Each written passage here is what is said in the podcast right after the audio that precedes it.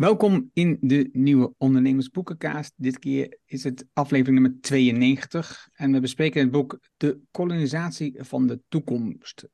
Ik zeg boek, dat is een beetje overdreven. Boekje. Het, als je de video kijkt, zie je het is een boekje. Het is ook heel dun.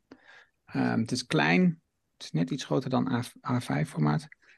en al met al heeft het, uh, wat is het ook weer, 50, nou niet eens 50 pagina's. Ja, 50 pagina's is net de tekst. Het is uitgegeven door Bezige Bij, begin 2022. Um, en dit is een één op één kopie van de lezing van David van Rijbroek. Uh, dat is ook dus de auteur tussen kootjes van dit boek. En heb je nou echt helemaal niets met lezen? Kan je jezelf niet opbrengen om 50 pagina's van zo'n klein boekje te lezen? Dan kun je ook de video kijken van de lezing op YouTube. De link die zal ik in de show notes opnemen. En ook het artikel van de Universiteit van Leiden rondom die lezing met foto's. Het voordeel van de video is dat je ook de introductie hebt. En je hebt daarna ook nog een interview van een tweetal studenten um, die bij dat gesprek aanwezig waren, die na tijd, eh, nadat hij de lezing heeft gegeven. En dit is de vijfde Huizinga-lezing. Dat hij daar dus nog wat vragen over hebben, onder andere uh, wat hij nou precies daaraan doet. En de titel van het artikel, om hem vast een beetje een gevoel te geven waar het boek over gaat, want het, zal niet zo'n hele lange aflevering worden dit, want het boek is, wat ik al zei, dun, uh, is de titel van het artikel wat erbij hoort van de huizenkraalleging. Dat is uh, David van Rijbroek roept op tot burgerlijke ongehoorzaamheid. Uh, dus dat geeft al een beetje aan wat het over gaat. Um, om je even nog een linkje mee te geven. David van Rijbroek is de partner van Eva Rovers. Waarvan we hier al het boekje nu is het aan ons bespraken. Uh, die link neem ik natuurlijk ook op. Hij is daarnaast cultuurhistoricus, archeoloog en schrijver. Zeer interessant persoon. Uh, ik zal een paar linkjes van recente documenteren op VPO, VPO Tegenlicht opnemen, waarin die wat vertelt over wat hij vindt van democratie. Het is een klein boekje, even kort mijn inzicht over dit verhaal. Het is een klein boekje hij begint gelijk waar hij met de neus op de feiten drukt hoe eigenlijk het ervoor staat op de planeet, op de aarde. Hij schudt ons wakker, zet ons even stil in het geraas van iedere dag waar we als medewerker, als ondernemer, als persoon in zitten. En hij laat je zien wat op dit moment zo misgaat uh, en waarom het niet werkt en wat volgens hem de weg is die overblijft. En daar heeft hij vier oplossingen voor en daar komen ze weer terug. Ja, en, als je kijkt naar uh, burgerlijke ongehoorzaamheid, nou, we zitten er nu middenin. Extinction Rebellion doet niet anders. Iedere dag op dit moment. Hebben een staking gestart met de bezetting van de A12. En die wordt nu dagelijks voortgezet totdat de subsidie wordt teruggedraaid. Dus daar zijn ze bezig. En eigenlijk zou je het niet eens burgerlijk ongehoorzaam kunnen noemen. Want wat zij niet anders doen is de regering oproepen om de dingen die ze hebben afgesproken ook werkelijk na te komen. Dat was mijn korte introductie op het boek. Tom, wat wil jij nog zeggen? Eh, ja, nou, ik, de, qua planning is het inderdaad, jij noemde het al net met betrekking tot Extinct Rebellion. Ja, beter zou de planning, had hij niet kunnen zijn om dit boekje te bespreken. En misschien nog even aanvullend. Misschien dat we, dat we in de, of dat je in je bespreking, dat we een linkje zetten inderdaad ook naar wie Huizinga eigenlijk was. Professor in Leiden. En dat wat dat betreft de oproep Eigenlijk ja, is het een oproep tot burgerlijke ongehoorzaamheid. Is eigenlijk uh, een van de vier dingen en eigenlijk het laatste punt wat hij, waar hij op ingaat. Maar wat dat betreft past dat ook wel. Omdat, omdat Huizinga uh, ja, in het verleden een belangrijke rol speelde. Uh, toen het om de, om de bezetting van de Duitsers ging in de Tweede Wereldoorlog. Dus wat dat betreft is dat wel interessant dat er dan inhoudelijk ook een dat die burgerlijke ongehoorzaamheid of het optreden tegen iets. Ja, dat de cirkel daar in principe wel weer rond is. Dus dat past wel goed als thema van die huizingaanlezing. Dat vond ik op zich nog wel interessant. Ja, voor de rest ben ik een groot fan van hem. Ik heb even die twee andere boekjes nog bijgepakt. Pleidooi voor populisme en uh, tegen verkiezingen, omdat dat eigenlijk een thema is waar hij de hele tijd mee bezig is geweest. Uh, waar we het in, de, in de bespreking van het burgerberaad heel uitgebreid over hebben gehad. En dat combineert hij nu in principe met het klimaatthema. Dus dat is eigenlijk de inhoud van, uh, van de lezing. Nou ja, in, in tegenstelling tot andere boeken heeft het boek dus helemaal geen inhoudsopgave of wat dan ook, want het is gewoon één lezingpunt. De lezing, dus het boek, begint met enkele feiten over hoe de biodiversiteit op deze planeet op dit moment voorstaat. Dat zijn ook dingen die ik tegenwoordig in mijn lezing gebruik, uh, aangepast natuurlijk met je de cijfers, zoals dat klopt bij mijn verhaal. Hij schrijft bijvoorbeeld, uh, tijdens die lezing sterven er zo'n vijf tot zes uh, soorten uit op de planeet. Nou, en dat rekent hij door naar ongeveer per jaar is het 55.000 soorten. En dan zou je kunnen denken, ja, dat is heel normaal, dat gebeurt altijd al. Nee, dat is niet normaal. Dat is waar wij enorm veel invloed hebben als mens. En zo schetst hij dan het volgende voorbeeld, de CO2-concentratie in de lucht. En hij heeft gebruikt allemaal onderzoeken en feiten. Is, het is niet zo van, oh ja, ik, ik heb iets interessante data. Nee, hij heeft, hij heeft echt allemaal onderzoeken en feiten. En is natuurlijk ook, um, op dat gebied heeft hij onderzoek gedaan als uh, archeoloog. Had hij dingen aan. Het is een onderzoeksstation op een hoge berg die al 60 jaar de CO2-concentratie meet. En dat ligt nu op 420. En zij, toen zij begonnen was dat op, lag dat op 320. Het is in, in, ja, in minder dan een generatie is het dus enorm gestegen. En als, en als je zegt, nou, enorm, enorm, 100. De afgelopen 800.000 jaar uh, schommelde dat getal tussen 170 en 300. Het is zelfs zeg maar met alle warmte, eh, koude periodes, um, wat er ook maar was, schommelt dat gewoon tussen 170 en 300 ppm. Dus dat is, het is gewoon niet normaal hoog op dit moment.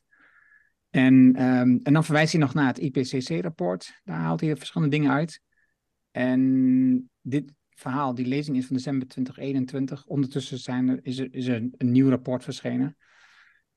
En het is eigenlijk nog verontrustender dan het rapport uh, wat hij aanhaalt. Dus het is niet, uh, het is niet beter geworden of wat dan ook. En, en dan gaat hij, met die inzichten gaat hij verder. En dat heeft te veel te maken natuurlijk met zijn, met zijn achtergrond, met zijn, met, zijn, met zijn studieachtergrond, maar ook met zijn onderzoeksachtergrond. Is dat, uh, dat het kolonialisme eigenlijk um, niet zozeer iets is van het verleden. Dat is natuurlijk iets van het verleden. Maar wat we doen nu op dit moment is nog steeds hetzelfde. Hè? We, we buiten mensen uit we brengen mensen problemen op andere uh, deel van de wereld. En, en we koloniseren ook nog eens de toekomst. Met wat we aan het doen zijn. Het is niet zo dat we, als we stoppen, dat het dan al verandert. Het, het, heeft nog steeds effect. En we zien dat het niet beter wordt. Uh, want Shell heeft aangekondigd dat ze. Uh, zijn uit heel veel projecten gestapt die duurzaam waren. Ze hebben zelfs aangekondigd, we gaan gewoon zoveel mogelijk olie oppompen tot 2050, om het zo te noemen. Dus het wordt echt niet beter wat dat betreft.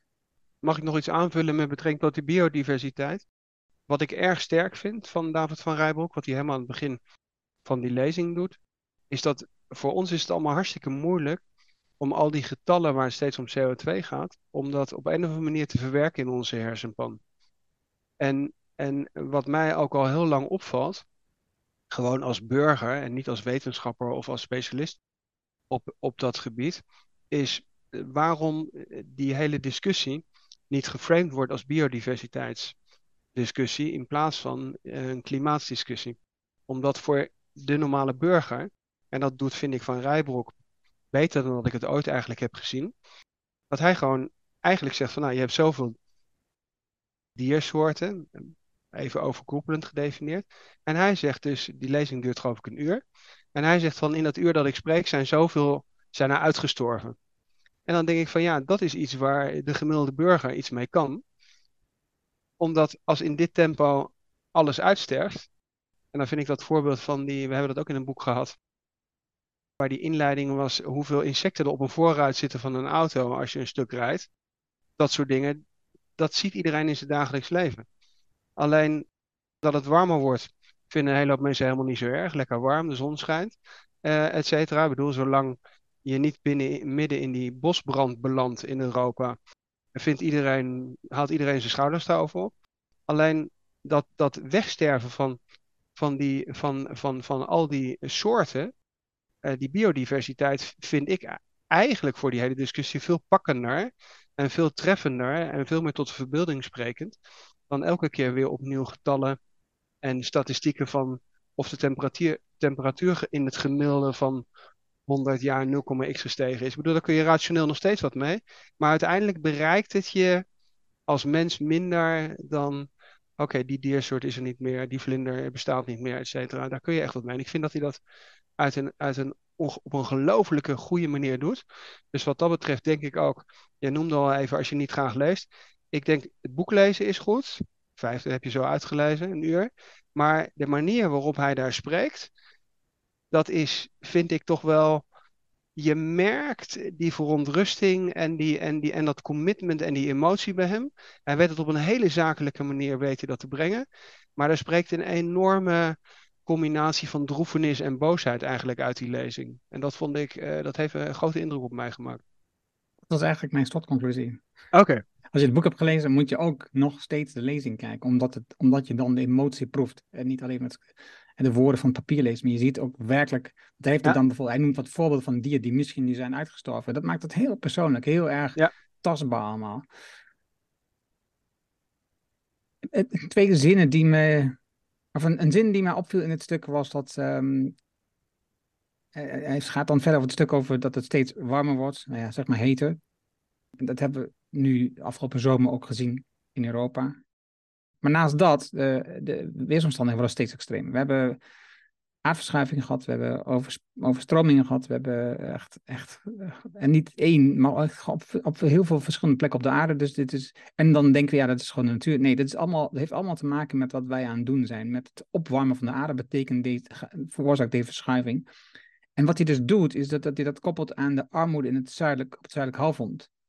Want zij zijn de dupe van, van wat wij doen. Dus wij warmen de aarde op, maar zij zijn daar echt de dupe van. Want zij hebben extreme hitte waar ze, niet, waar ze niets aan kunnen veranderen.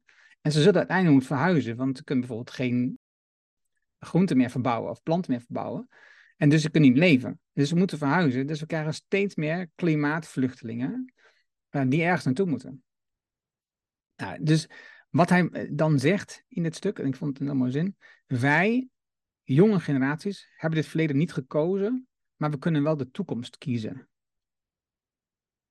Dus ik vond dat een hele pakkende zin. Hè? Dus, dus je kan wel zeggen, oké, ik kan hier niks aan doen, want ik heb dit niet veroorzaakt. Klopt.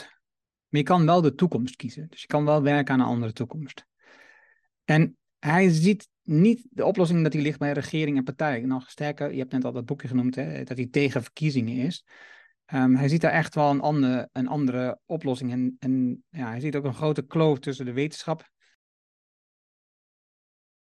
Oh ja, dat, dat was die andere zin. De grote kloof tussen de, wat de wetenschap weet en de politiek verzuimt, kan het beste gedicht worden door wat het burger beslist. Dat waren twee van mij hele pakkende zinnen in dit stuk. En, uh, en ja, ja, je ziet gewoon dat, ja, dat de overheid weet een heleboel dingen al wel lang van, van de wetenschap, wat, wat aan de hand is. En toch doen ze niet wat nodig is. Waarom? Ze zijn bang voor de achterban. Ze zijn bang voor de consequenties, bang voor hun eigen positie. Ze zijn bang wat het effect is voor het aantal stemmen, voor het aantal zetels in de Kamer. En dus dat is het hele probleem. Dus daarom staat wat die kloof ook steeds groter.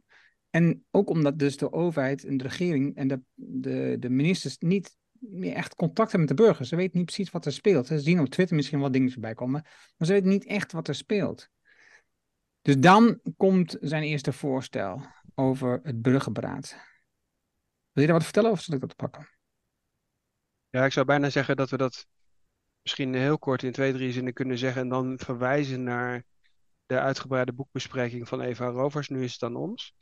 Maar uiteindelijk, heel simpel gezegd, komt het erop neer dat de democratie en het, en het normale kiesstelsel wat we hebben, dat dat onvoldoende is omdat de politiek de belangrijke lange termijn thema's uh, eigenlijk voor zich, voor zich wegschuift. En eigenlijk hele particuliere belangen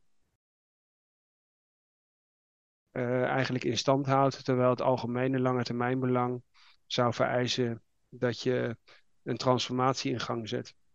En het, het, het, het voorstel wat, wat gebracht wordt, en voor de mensen die het interessant vinden, die moeten dan echt die bespreking van Eva Rovers, nu is aan ons, over het burgerberaad beluisteren.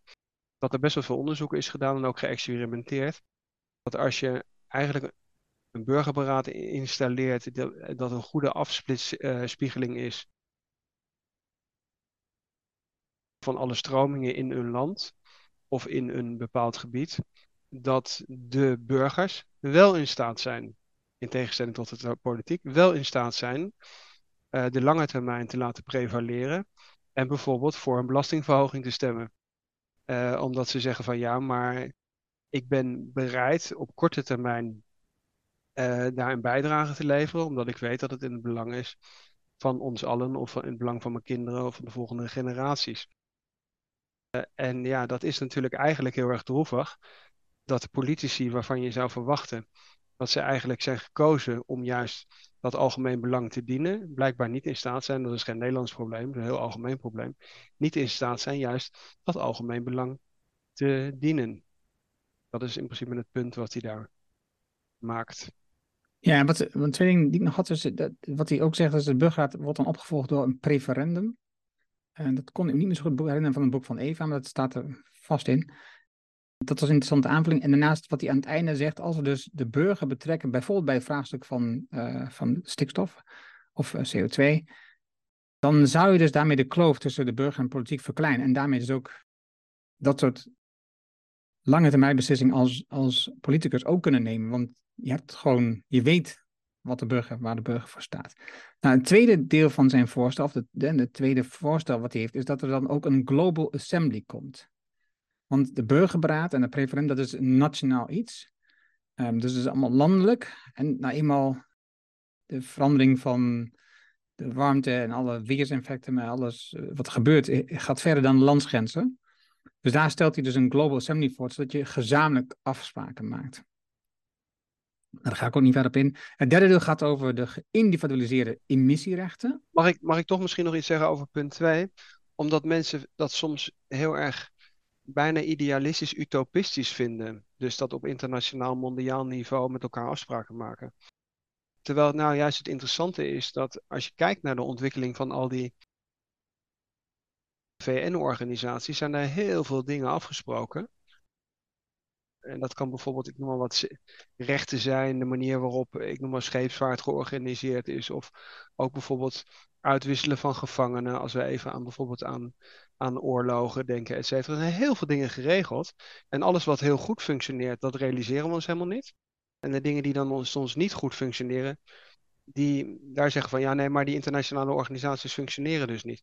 Terwijl die internationale organisaties wel heel goed functioneren. Kijk bijvoorbeeld ook naar het, uh, het internationale gerechtshof in Den Haag bijvoorbeeld. Dat zijn van die dingen waar vaak veel later dan, dan dat de conflicten zelf hebben plaatsgevonden, dan onderhandeld wordt of ook eigenlijk mensen berecht worden. Denk bijvoorbeeld aan het Joegoslavië-tribunaal. Uh, en het feit dat mensen eigenlijk ook weten dat die tribunalen plaatsvindt, best wel een afschrikkende werking hebben. Betekent dat dat er helemaal geen oorlogen meer gevoerd worden of dat er helemaal geen oorlogsmisdaden meer worden begaan? Nee, alleen dat internationale recht heeft een enorm belangrijke rol gespeeld. Uh, en in het klimaatdebat is bijvoorbeeld die afspraak over dat afschaffen van die, um, van die vloeistoffen in die koelkasten. Hoe heet het? KF, KFC's of zoiets. Er zijn, dus er zijn best ook wel positieve voorbeelden op het gebied van, van, uh, van klimaat. Dus dat voorstel uh, een, soort, een soort internationale organisatie te hebben en daar met elkaar afspraken te maken. Zoals dat met het Parijse uh, overleg eigenlijk ook gebeurt. Dus het is helemaal niet zo utopistisch als mensen soms doen dat dat zou zijn. Ja, en, en daarbij wel. Um, dus er zijn natuurlijk er zijn hele goede afspraken gemaakt in Parijs, alleen geen enkel land houdt zich aan die afspraken. En niemand komt de afspraak werkelijk na. Dus dat is, dan, dat is nog steeds het probleem wat we moeten oplossen. Hè. Dus er zijn een boel dingen die functioneren, maar op dat vlak is er ook nog heel veel te verbeteren. Ik vind wel überhaupt dat de aandacht voor Europese organisaties uh, heel belangrijk is. Uh, zeker ook in Nederland. we zijn in principe een veel te klein land om dat zelf allemaal te doen.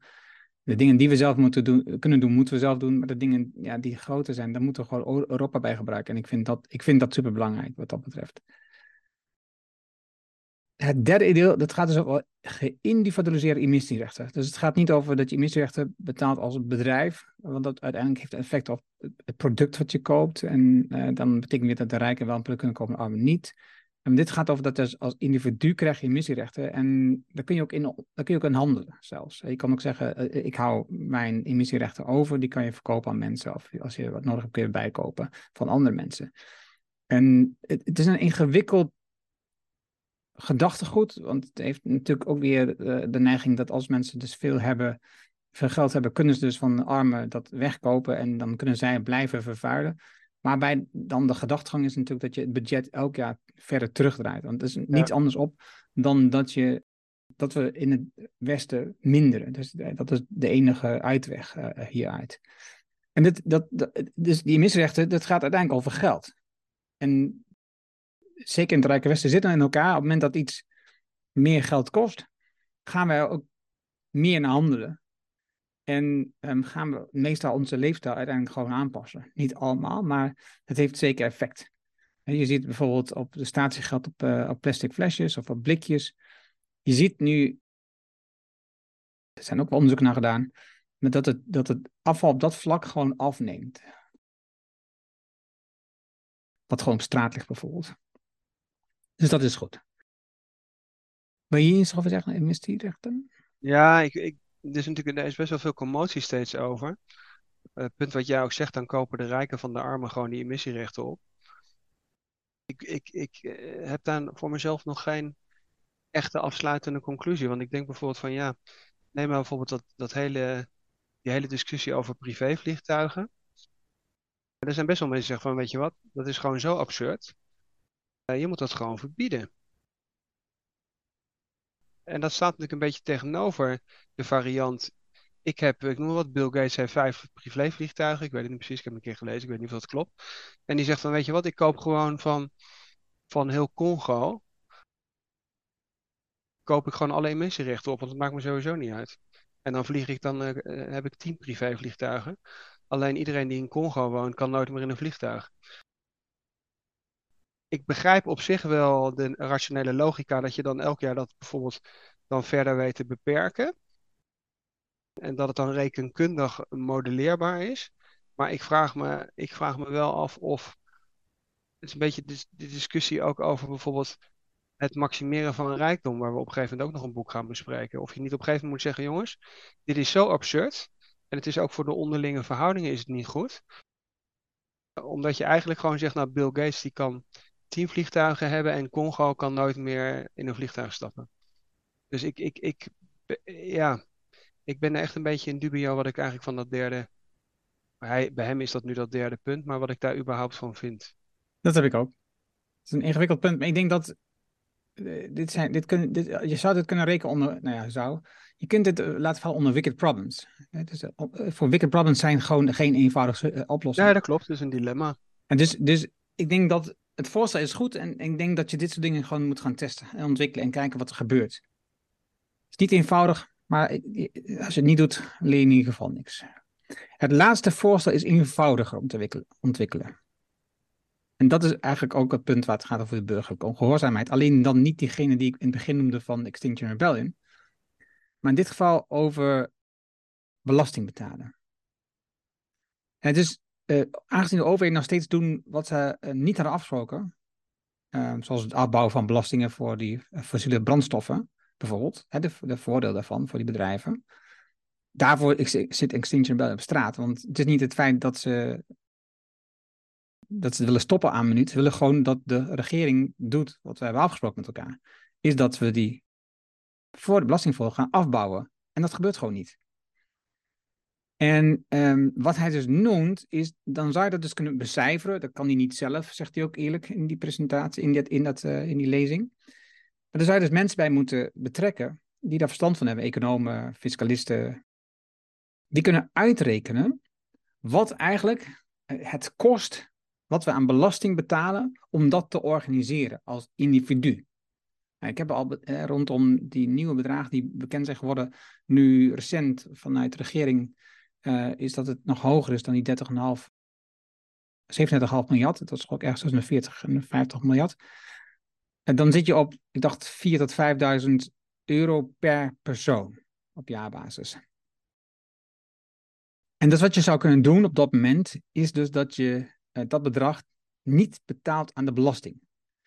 Dus je bent geen belastingontduiker, maar je bent iemand die heel bewust op dat vlak burgerlijk ongehoorzaam is. Want je hoort belasting betalen, dat doe je dus niet.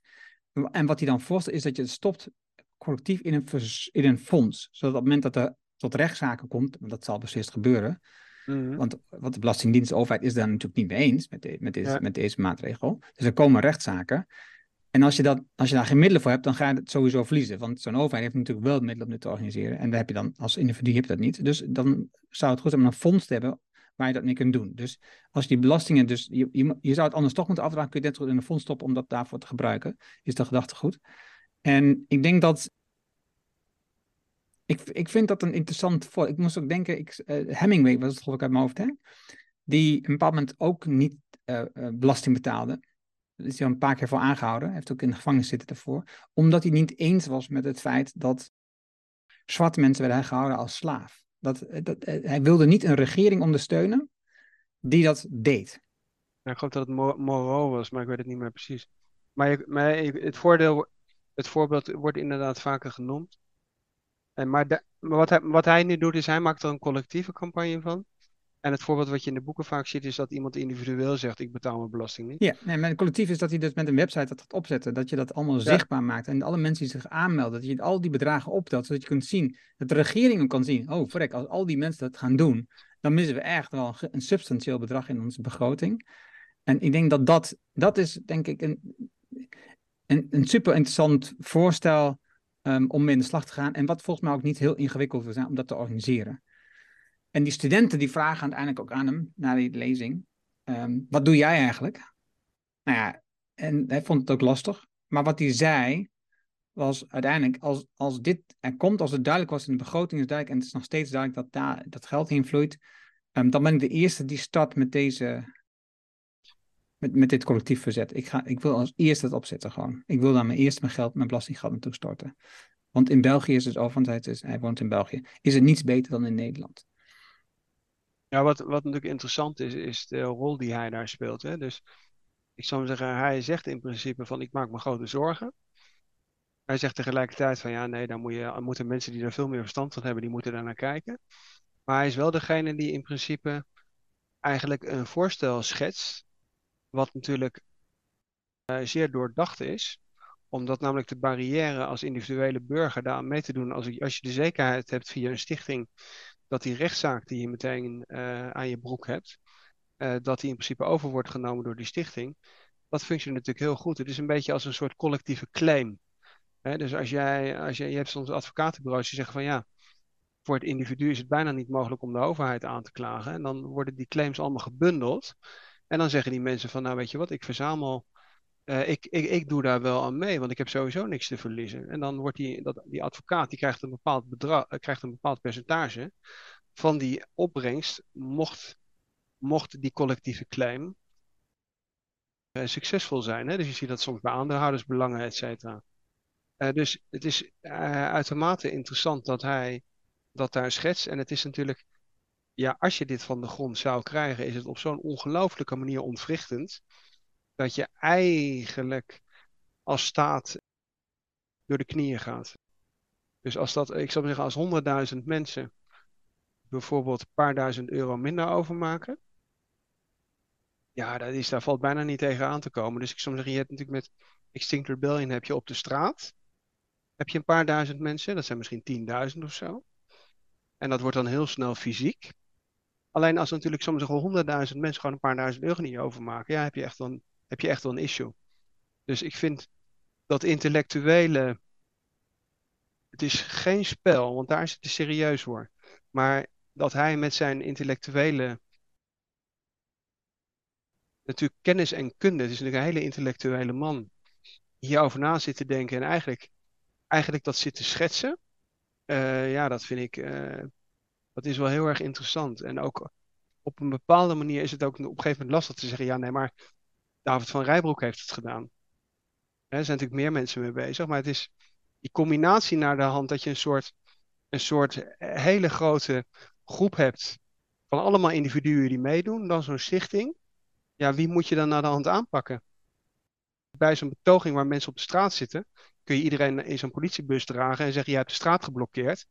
Of weet ik veel wat. En dan krijg je een wetsartikel aan je broek. Hè, of je wordt opgesloten in de cel. Alleen als honderdduizend mensen een gedeelte van de belasting niet betalen, wat wil je, wat wil je in hemelsnaam doen? Dus het is, ja, het is uh, uitermate interessant, uitermate interessant voorstel, denk ik. Ja, ik denk ook, dat, want dit is het einde van, van zijn lezing, is het einde van het boekje dus. Ik denk ook dat het interessante aan dit verhaal is dus, wat je al zegt, het is dus heel doordacht. Um, het is praktisch uitvoerbaar. Behalve misschien derde is nog wat ingewikkeld, denk ik, met die persoonlijke emissierechten. Ja, ik denk dat het, ik denk dat het de, tijd ervoor is. Eh, dat, we, gaan het, we gaan het de komende weken, maanden zien. Maar ik denk echt dat het de tijd ervoor is om dit soort acties, uh, dat, dat, dat dat gevolg krijgt. Als, als ik zie in, in de onderstroom, waar ik veel in begeef, wat er gebeurt op dit moment. Je ziet heel veel beweging op dat vlak. Ik denk echt dat de tijd rijp is voor, voor dit soort organisaties, dit soort initiatieven. Ja, je ziet natuurlijk ook wel dat het een soort. Um, het is een, een, stap verder dan allerlei online petities. Hè? Dus ik zou maar zeggen, ik noem wat Hoekstra, die, die wordt voorgedragen als opvolger van Timmermans. Nou, dat is natuurlijk, iedereen kan daar dan op klikken en zeggen van, nou ja, ik weet niet of dat de juiste kandidaat voor dit thema is.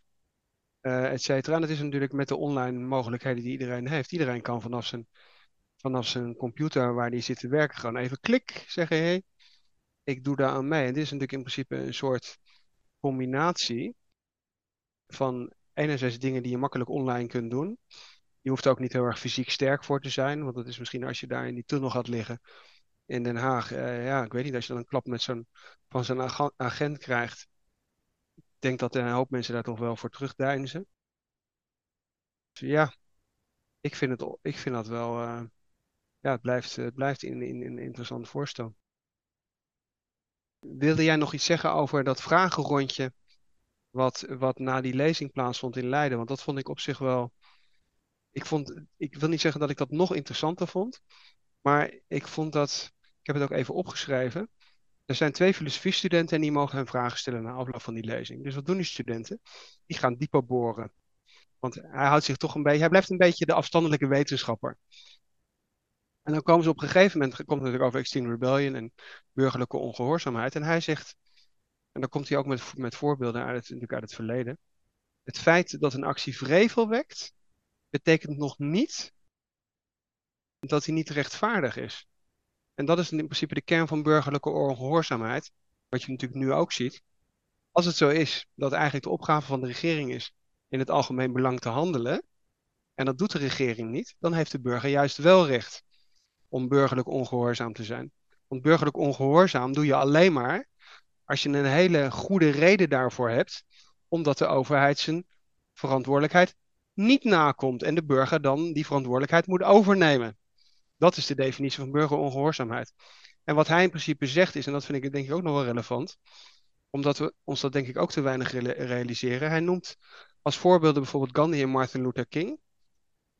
En dat is elke keer weer hetzelfde. Op het moment dat iemand tegen iets, tegen iets protesteert, in het begin of Nelson Mandela, et cetera. Op dat moment, waar dat misschien nog niet de mainstream bereikt heeft, landt diegene in de gevangenis, wordt opgepakt.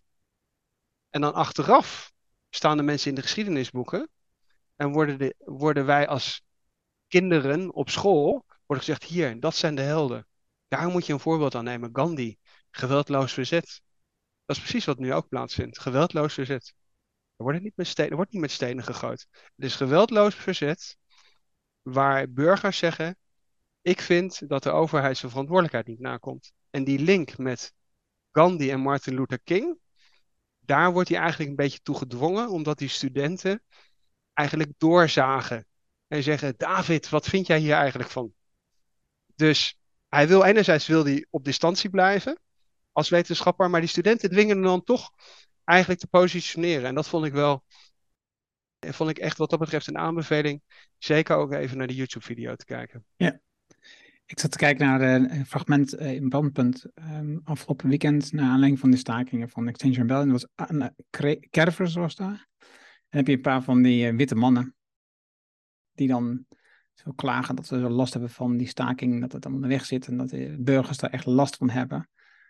En dat, ook niet, dat het gewoon niet, uh, dat ze gewoon activistisch zijn en dat het klimaat, wat zei die ook alweer?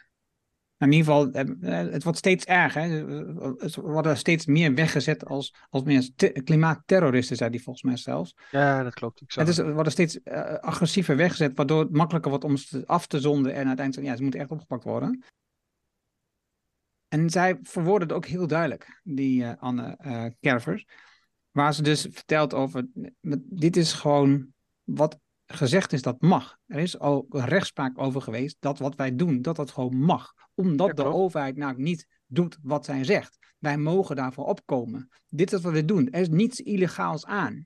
Dus jij zegt niet dat het illegaal is. Dat klopt gewoon niet. ik vond ook in dit geval een jonge vrouw heel sterk in haar bewoording, en dat zie je met die studenten ook, heel sterk in de bewoording over hoe ze een standpunt en een inzicht te verdedigen. Ja, je zit natuurlijk wat dat betreft dat zie je ook op social media op dit moment langskomen. Dat grote schandaal met Dupont. Met het lozen van de, hoe heet het, P, PFAS of hoe heet het, de, eh, et cetera. Dus dan heb je een 24-jarige jongen die gemeenteraadslid is. En dat is degene die dan de boel moet lekken. Omdat eigenlijk die gemeenteraad, wat toch publieke instanties zijn, daar zitten onderhandelen met Dupont. Uh, omdat Dupont gewoon het op een akkoord wil gooien. En dan is nu de vraag van ja, die 24-jarige gemeenteraadslid. De framing is eh, wat dat betreft elke keer wel weer opvallend. dat zijn de zogenaamde klokkenluiders. Die klokkenluider wordt altijd geframed uh, als zijnde degene die, die iets geheims uit een besloten vergadering heeft gedeeld met het publiek. En die heeft zich dan niet aan de spelregels gehouden. Ja, maar er is natuurlijk een normatieve werkelijkheid waar het niet om gaat is of jij wel of niet documenten lekt naar, de naar het publiek. Nee, het normatieve is, is wat hier gebeurt, is dat moreel correct? Dat is waar het uiteindelijk over gaat. Alleen dan heb je in principe die jongen van 24, die wordt nu in de hoek gezet. Die zit waarschijnlijk nu te wachten tot hij door de politie opgepakt wordt of wat dan ook. En dat heb je in principe met die mensen van Extinct Rebellion ook gehad. Dat je eigenlijk moet zeggen, het is een omgekeerde wereld.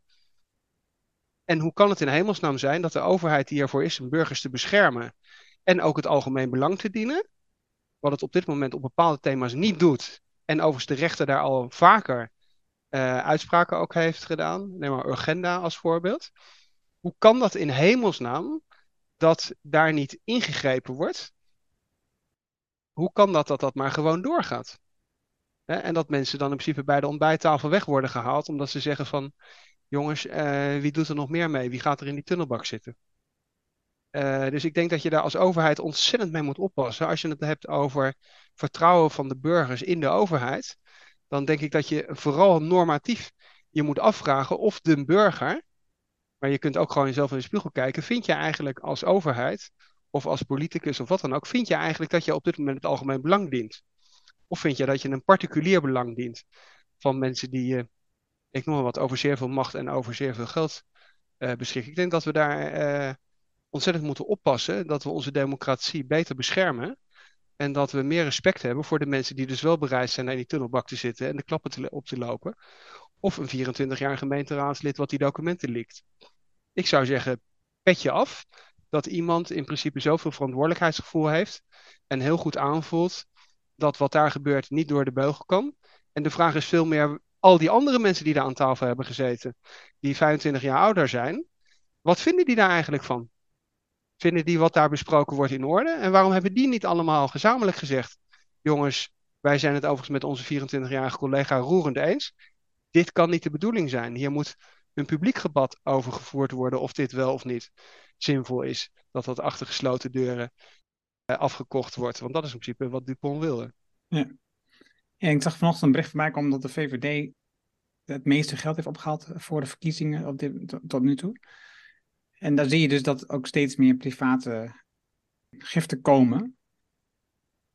En dus, dus de, wat in landen als Amerika heel normaal is, dat, dat eigenlijk de overheid wordt gesponsord door, door bedrijven. Ik heb het gevoel dat met dit soort acties dat dat langzaam in je kont staat. Het is, dat is niet meer moreel. Dat, kan- dat kan je niet meer verkopen. Je kan niet meer verkopen dat je gewoon eh, dat je een partijkast spekt en daar nooit wat voor terug verwacht. Omdat je het enige wat je is dat je het goed met, met die partij voor hebt. Nee, dat is gewoon echt bullshit. Een bepaald verwacht je iets voor terug natuurlijk. Ja, je zou, dat moet gewoon verboden worden. En ik zeg dat als iemand die in een, eh, in een liberaal huishouden is opgegroeid. Dus ik zit helemaal niet vanuit een eh, activistische, ik noem maar wat vakbonds eh, zit ik hier. Nee, het heeft gewoon met democratische waarden heeft dat te maken. Dus als je die, als je die samenleving zo wilt vormgeven dat iedereen zich gehoord voelt, hè, ook, ook als je minder geld hebt, dan zul je dit soort dingen moeten verbieden. Omdat het een oneerlijk spel is. Als, als de ene lans veel langer is dan de andere, dan is dat geen gelijk spel. Dus eigenlijk is het gewoon een unfair game is dat. Het is gewoon een oneerlijk spelletje. Of, of je moet zeggen van we krijgen allemaal evenveel. En dan kunnen we ons standpunten doen. Of eh, afhankelijk van, dan wordt dat een bepaalde verdeelsleutel. Of je zegt van, ik noem maar wat, iedereen mag zijn affiche ophangen. Of iedereen heeft een bepaalde zendtijd, et cetera. Maar als je natuurlijk bepaalde belangen verdedigt. Waar heel veel geld aanwezig is, dan is dat een oneerlijk spel. En dan zullen mensen op een gegeven moment eh, mensen zijn wat dat betreft niet dom. Die zullen zeggen van dat spel wat hier gespeeld wordt, vind ik niet eerlijk of niet meer eerlijk. Ja, en dan breekt uiteindelijk op een gegeven moment pleuris uit. Daar, daardoor ontstaan revoluties. Oké, laten we deze revolutie in ieder geval eindigen. Ja. Voordat we een nieuwe starten. D- dankjewel. Dit was de boekbespreking van het boek De kolonisatie van de toekomst van David van den Rijbroek. Zoals gezegd, het boek kun je ehm, eenvoudig kopen. Wij hebben het boek overigens gekregen van de bezige bij, dus dankjewel daarvoor. Voordat ik dat vergeet te zeggen. Heel goed. En, ehm, en kijk de video, ook al heb je het boek gelezen, kijk de video. Het is gewoon heel erg mooi en warm om te zien hoe hij dat verwoordt. Maar ook daarna wat je zegt, dat, dat gesprek met die studenten die hem bevragen. En die hem nou, heel, heel persoonlijk worden over wat hij nou precies doet en wat hij daar precies van vindt als persoon, als individu. Dus dankjewel voor het luisteren en nou, graag tot de volgende aflevering en dankjewel Tom. Dankjewel, Anna.